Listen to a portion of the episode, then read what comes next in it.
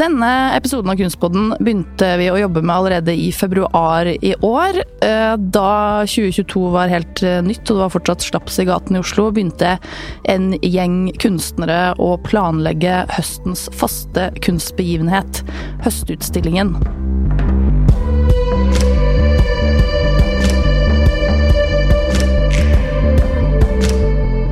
Ja, altså nå de siste ukene så har vi møttes for å gå gjennom 2350 søkere.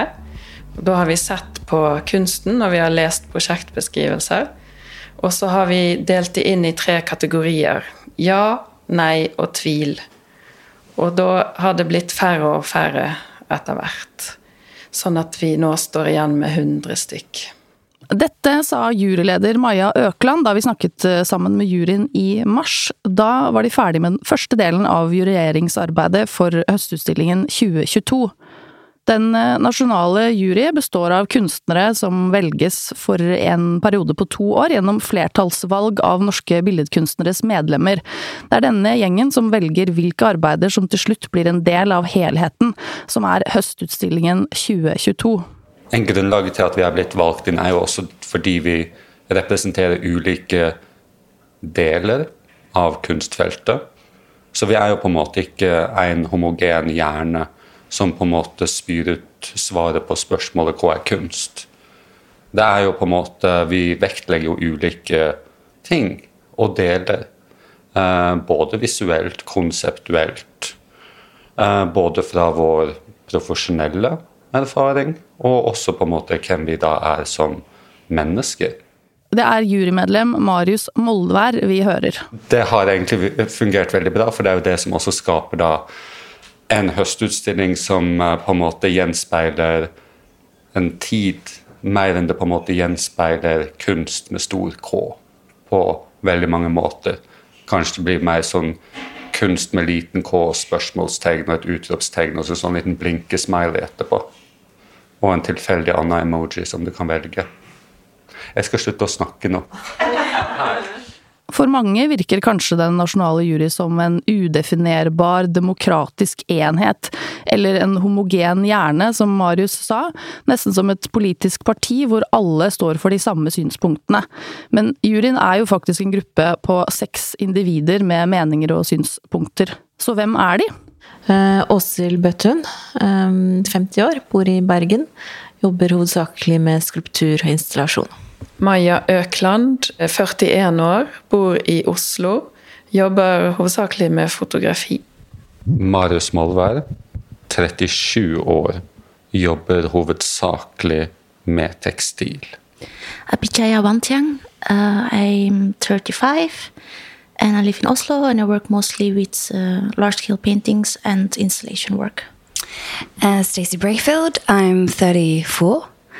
I live in Bergen and I work mostly uh, with uh, social practice, social community, performance. Det siste jurymedlemmet er Gelavesh Walid-Khani. Hun er 40 år, bor i Oslo, jobber mye med ulike former for tegning. Så fort en jury er involvert i noe som helst, er det snakk om en eller annen form for kvalitetsvurdering, som alltid bringer med seg debatt. For som kjent, alle er ikke alltid enige. Altså, vi har jo, selvfølgelig så har vi vært uenige, men vi har fått en sånn veldig god dynamikk i denne gruppen her. sånn at vi, vi kaster baller fram og tilbake hele tiden. Så vi har, ikke, ikke kranglet og blitt uvenner. Altså, det er veldig god stemning i gruppen vår, og god energi og positivt. Så det tenker jeg har vært veldig viktig. Det har vært min skjulte agenda hele tiden. Å prøve liksom at ikke det skal bli sånne harde sammenstøt. I think we had we had kind of agreed from the start that uh, we wanted to allow for you know distinctive voices to be able to appear in the exhibition, which meant that we kind of gave each other the space to um, have something in the exhibition, even if only one of us really wanted it and not the others.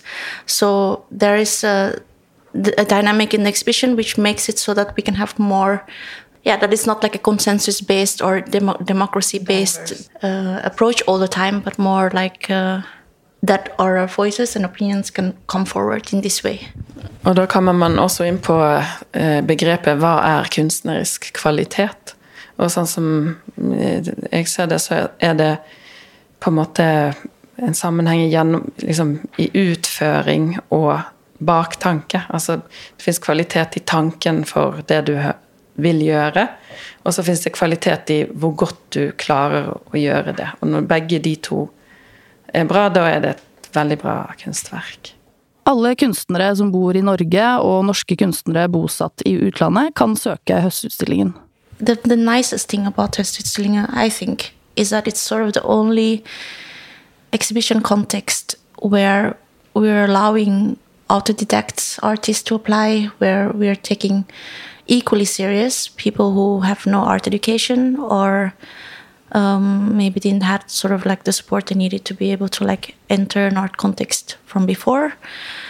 And so it is just the fact then that you get a lot of also hobby artists applying, but we are all very aware, I think, and searching for potential in also autodidact work. Det sier seg selv at det er et enormt eh, spenn i alle arbeidene juryen skal mene noe om, så hva gjør at et verk skiller seg ut i mengden? Det er ikke alltid at det er kunstverkene med høyest kunstnerisk kvalitet som blir valgt inn, fordi at noen ganger så kan det f.eks. En, en litt svak tegning ha et, en veldig god idé eller en veldig god tematikk som passer inn i utstillingen som helhet. Så da har vi egentlig et ganske sånn stort rom for alt mulig, da. Høstutstillingen er en veldig stor utstilling, det er alltid mange kunstverk å forholde seg til. Derfor er det ofte lettest å gå gjennom utstillingen og forholde seg til ett og ett kunstverk, og tenke at de har blitt valgt ut i lys av seg selv, men denne versjonen av Den nasjonale jury er spesielt opptatt av at Høstutstillingen 2022 nettopp skal fungere som en helhet. Yeah, I think it's important to, um, to note that we're trying to the best possible exhibition conditions for all artists involved. And this is, you know, this comes back a little bit to what Maya said earlier. Sometimes this means that maybe you need to prioritize a, a work that we would have maybe not prioritized purely like on its individual work, like qualities, just because it makes the exhibition as a whole work better. Um, and I think this is just a part of trying to make also an exciting exhibition that says something rather than trying to just display a bunch of works. In the discussions, we have one specific room. I can go into details because this, you're going to listen to this afterwards. And uh, the discussion has been that uh, we'll provide a space or the best conditions for all of the sculptures to be seen at the best, um, or from perceived from. I don't. Yeah, I think I can follow. I can just try to say what you are trying to say. I think we've tried to organize all of the three rooms in such a way where there is like a overarching uh, principle in the way that we're exhibiting it, so that so that somehow it's it's creating more um, open space around each works, um, but also some kind of like exhibition logic that makes it so that the exhibition design in itself is not demanding, but that it gives the, the works the space that it needs to be seen. Vi sitter igjen med 4,3 ca. Og det er jo Det sier seg selv at det er jo veldig mange veldig gode arbeider som har blitt tatt bort. Eh, fordi de kanskje ikke fungerte i denne sammenhengen. Nå har juryen tatt sine kunstneriske avgjørelser for i år, med fokus på arbeider som skal fungere i en større sammenheng, som er Høstutstillingen 2022. Det vi, det vi ser er, eh, som har blitt er en utstilling som har ganske stor spennvidde og bredde. Så det er veldig mange ulike sjangre innen maleri, eller det er liksom mange ulike kunstneriske felt som vil møtes her, tror jeg. Og så ser vi også at det er en veldig uh, ung utstilling, kanskje. At det er mange yngre kunstnere. Og så føles det også som at det er litt sånn uh, kuslipp etter pandemien. At det er en postpandemiutstilling hvor det er, skjer mye. At det er en god del det er ekspressivt og en god del følelser. Uh, og så er det jo òg veldig vanskelig i den tiden vi lever i nå, å vite hvor vi er om seks måneder, fordi det skjer så mye på veldig kort tid. Så jeg føler ganske stor risiko med at det kan slå veldig rett, eller det kan slå helt feil. Det er, det er Skeivt kulturår, så vi har også sett etter måter å markere at det er 50 år siden sex mellom menn ble avkriminalisert. Og så har vi jo en del politiske verk da, som kommenterer på både ting som skjer eh, ute i samfunnet, og liksom ting som man har jobbet med lenge, som f.eks. feministiske tematikk. Det er mye maleri. Og så er det jo en del humor. Ja, er, altså, vi ser jo også at tidsånden går tilbake til 90-tallet. Så det er en del ironi og, og humor som vi håper blir tatt godt imot. And one of the challenges I'd say that has also been discussed amongst us is um, how to provide the best framework for sound works within such um, a busy exhibition, busy in terms of um, the amount of impulses you receive as you're walking around the gallery rooms, but also uh, in terms of um, visitors. So then, how can we as the jury provide the best space for sound works? And um, that's been pretty tough, I find, actually. Da vi snakket med juryen i mars, hadde de altså tatt sine valg og begynt å jobbe med plasseringen av alle arbeidene i en liten modell av utstillingsrommene på Kunstnernes hus. Neste gang de skal møtes, er i august. Da har alle kunstverkene ankommet Oslo. Og da blir alle kunstverkene satt på gulvet der som vi har tenkt at de skal stå. Og så må vi se om det funker så bra som vi trodde. Og hvis de ikke gjør det, da må vi forandre i rommet der og da. Liksom siste final touch.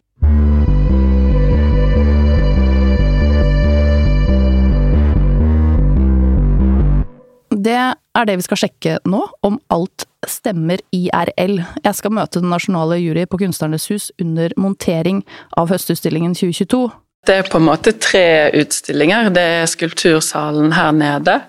Og så er det to saler oppe hvor vi da har gjort at det ene er mer sånn lyst, klassisk white cube utstillingslokale. Men så har vi i det liksom likevel eh, gjort et grep i utstillingsdesignen hvor baksiden av noen vegger er bare sånn reisverk, lekt verk, så det ser ut som kulisser. Hvor vi har lyst til å spille på og så har vi hengt noen verk på de kulissene, da, og, det, og, og da er det kanskje de mer klassiske White Cube-verkene som henger i White Cuben, og så er det liksom det som vi har sett som under skogen, som henger bak, bakpå. Og så har vi da det andre rommet, det har vi gjort helt mørkt og eh, fokusert på videoverk. At det er de som er, står sentralt. For det er veldig sjeldent i høstutstillingen at video er så fremtredende. Det blir som regel bare plassert i et kinoprogram i siden som, som går, og så får kunstneren vist verket sitt kanskje én gang i løpet av en dag. Mens nå så har de da sin egen plass, da. Også i det mørke rommet så har vi òg prøvd å tenke på vår tid, og at det er litt sånn dummedagstematikk med miljø og, og sånt. Høstutstillingen har en lang historie. Dette er den 135. i rekken. Så hvordan forholder juryen seg til dette med tradisjon og fornyelse i maskineriet som er Høstutstillingen? Ja, altså det er jo eh, noen av de første bildene vi hang i den white cuben. Så, så, så ser man at det, det bildet er liksom kunst med ulik, fra ulike sjangre eller ulike bakgrunner som henger side ved side. Og da tenkte jeg Oi, nei, det ser ut som Høstutstillingen. Ja. At det er liksom noe som hadde hatt en ambisjon om å gå vekk ifra, prøve å få det bli mindre hummer og kanari. Men det er eh, vanskelig. Men eh, da har vi jobba med de overordna tematikkene for at det liksom skal passe sammen likevel, da. Ja, og så i, i, år så har vi veldig mange debutanter. Det er det sikkert alltid, men det er 60 over halvparten. Veldig mange er fødte på 90-tallet, så det er ganske unge. Jeg har liksom vært opptatt av å se hva de unge driver med, hva de er interessert i. Og så er det jo liksom debattklima generelt, da, som, som jeg opplever er veldig sånn høylytt og polarisert. Og da har vi prøvd å spille på det i utstillingen. Ja, og så har vi også inkludert sjangre som kanskje aldri blir inkludert ellers. Figurativt maleri, f.eks. Jeg kan kanskje si noe om dette skulpturrommet her nede, da. For her opplever jeg kanskje at vi har tatt trukket høstutstillingen og den frie innsendelsen. Altså vi har tatt helt konsekvensen av det. Um, for her er det jo hummer og kanari. Ja, alt er jo skulptur er mer eller mindre skulptur, da. Men, men, men altså, det er jo veldig forskjellige arbeider og veldig forskjellige verk. Men de er plassert sammen, da, som en kategori. Så det er vel kanskje et helt bevisst grep som vi har gjort, da, for å, at det ikke skal se ut som en høstutstilling, en tradisjonell høstutstilling. Men det blir kanskje mer som en sånn salongutstilling her. Jeg lurer på hva Den nasjonale jury forbinder med høstutstillingen? Tradisjonelt pent opphengt. Masse. Overveldende. Da er det altså den tradisjonelle, overveldende massen juryen både skal videreføre og utfordre. Jeg tror det forventer seg å se mye av det samme, og som jeg sa før, mye. Ja. Ikke sant? At man kan være litt forvirra, det er veldig masse verk, at jeg møter noe ukjent. At jeg tror det er liksom sånn, det har den, det er tradisjonen. Men jeg håper samtidig at denne utstillingen vi har satt sammen nå, kommer til å være sånn at kommer å, vi kommer til å innfri forventningene, samtidig som vi kommer til å skuffe deg. At vi har en sånn balansegang der at jeg er litt skuffa, men at jeg også er veldig positivt overraska, og at jeg har med seg liksom det jeg forventer samtidig. Dette føler jeg er en ekstremt vanskelig balansegang. Det er liksom sånn som et damplokomotiv som kan gå i lysets hastighet. Det er veldig kjent og trygt, men det er veldig futuristisk og fantastisk. Vi beveger oss fra skulpturrommet i første etasje opp til andre etasje for å se nærmere på dette damplokomotivet som kan gå i lysets hastighet.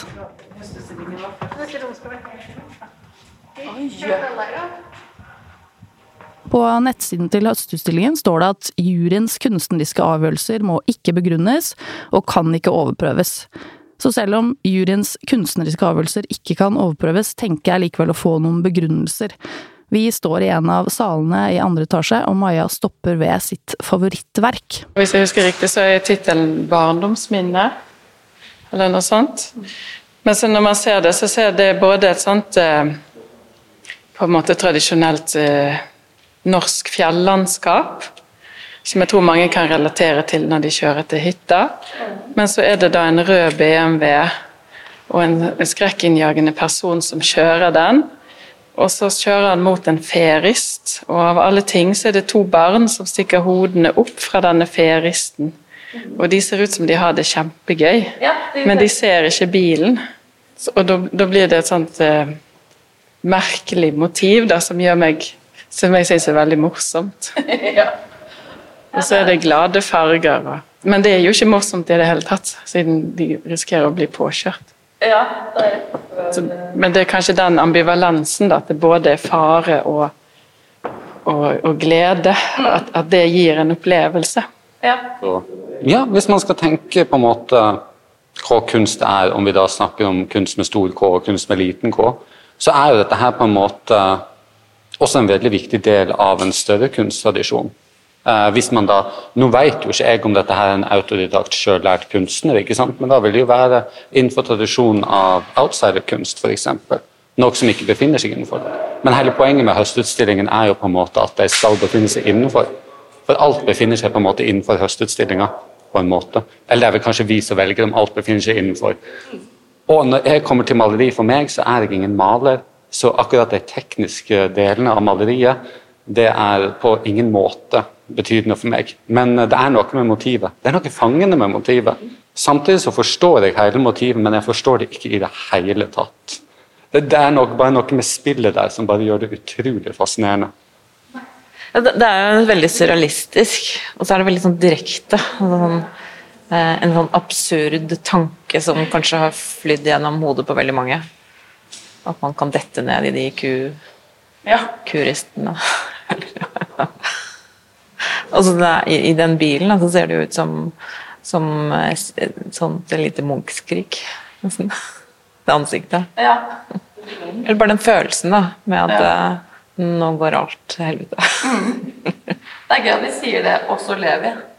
Ja. Fordi den er jo helt absurd, fordi man kan jo ikke dette gjennom de kuristene, for de er jo altfor smale. Så det er jo Det vet vi jo. Men eh, tanken er der for det.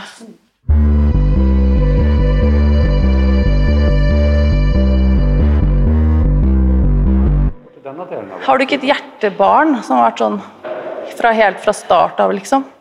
Jeg hadde jo, jeg hadde jo kvistfotografiet, da.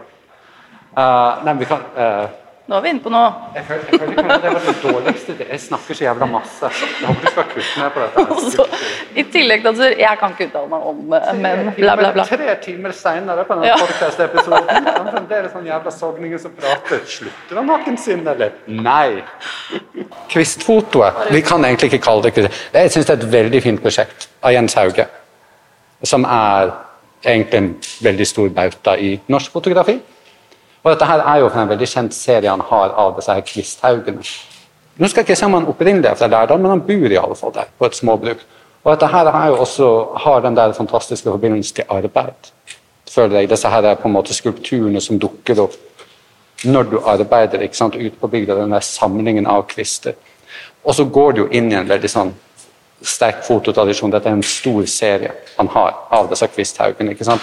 Der du dokumenterer disse her tingene veldig møysommelig i svart-hvitt. Eh, som har han. Og egentlig så syns jeg bare at dette her er sånt ekstremt Jeg syns bare det er utrolig vakre, de eh, fotografiene. For, mi- for min del så står det frem som bare ekstremt klassisk, fint foto. Som jeg bare liker ekstremt godt. Nå snakker vi om White Cube, og det som på en måte finnes er mer i underskogen. Nå er kanskje ikke han en underskogperson, men det er, et- det er et verk som også tåler å stå her på denne baksiden her. Eh, for det er så rent, og det har de kvistene, det resonnerer veldig bra med selve materialet på veldig mange måter. Det resonnerer bra med arbeidene rundt i forhold til arbeid, og det resonnerer jo liksom også med det andre verket som henger på en måte rett ovenfor det. Så det er jo også den her helhetstanken, at tingene her kommuniserer. Ikke sant? De bygger jo hverandre opp. De låner til hverandre og gir til hverandre samtidig. Vi kan jo snakke om utfordringen med henging, da, for hvis Ja. det var opp til Marius, så hadde det bildet hengt her. Rundt hjørnet. Ja, som dette hvite på en hvit vegg. Ja. Og ved siden av eh, Sverre Malling, som kommer her, Ja. som er en sånn eh, detaljert tegning i svart-hvitt. Men da får vi et problem, for hvor skal vi henge det hvite maleriet? Og da har vi vandret rundt og leitet etter steder som kan passe. Men så for helheten sin del så ble det best at det havnet på baksida. Men det kan man også si om fotografi som medium, da, at det heller ikke står sånn veldig høyt alltid. Ja, det, det er en symbolverdi på noteringen av det bildet. Ja, av en, av en nestor i fotografi på kulissevegg. For meg så jeg har jo ikke, Det er ikke min spisskompetanse fotografi. Og da er det litt greit å lene seg på de som faktisk har det, i juryen. For meg så er dette et em, vakkert, um, tradisjonelt sort-hvitt foto. Jeg har ikke så mye begjær for det, den, verken den ene eller den andre veien, egentlig. Så, sånn I juryarbeidet da, så er det jo litt sånn sosialdemokrati. Altså, det er litt sånn eh, Det er ikke en diktatorisk stemme blant oss. Eh, og det er litt fint, da. At vi spiller ball hele tiden, og så er det kompromisser. Det tror jeg utstillingen også bærer litt preg av, da. Og sånn skal det være. Har du lyst til å trekke fram ett arbeid før vi runder av, som du kan si noen ord om? Med din spisskompetanse. Hva brenner du for? Den? Nå lurer folk på hmm, hva pekte hun på der. Annelise Stenseth. Annelise Stenseth sin video, eller film, syns jeg er um, Den har fått veldig stor plass, og det er kanskje en, en grunn til det. For at vi alle var veldig enige om at det var et veldig sterkt arbeid. Så um, hvorfor brenner vi for den? En- Den trigger en sånn undring på hva handler dette om, hva er dette for noe, du har lyst til å se mer av det. Eh, Så på den måten så tenker jeg at den er litt komplett. da. Da jobber juryen videre med monteringen av høstutstillingen 2022, mens de reflekterer raskt over resten av prosessen. Jeg syns det blir morsomt. Å, nå se som skjer når folk kommer inn. Jeg gleder meg til dere kommer opp trappa. Det blir spennende. Når dere ser på en måte inn i det ene rommet og bare sånn Det er mørkt. Ja, og spennende hva kunstnerne vil. For det er jo ikke sikkert at de liker at de har blitt plassert i et mørkt rom eller på baksiden av en vegg. Høstutstillingen utfordrer, den forbauser og gleder, irriterer og begeistrer, står det på Høstutstillingens nettside. Så hva føler du i møte med statens 135. kunstutstilling, Høstutstillingen 2022? Denne episoden er laget i samarbeid med norske billedkunstnere og Høstutstillingen, som vises på Kunstnernes hus fra 10.9. til 16.10. Jeg heter Cecilie Tyri Holt. Tusen takk for at du hører på Kunstpodden.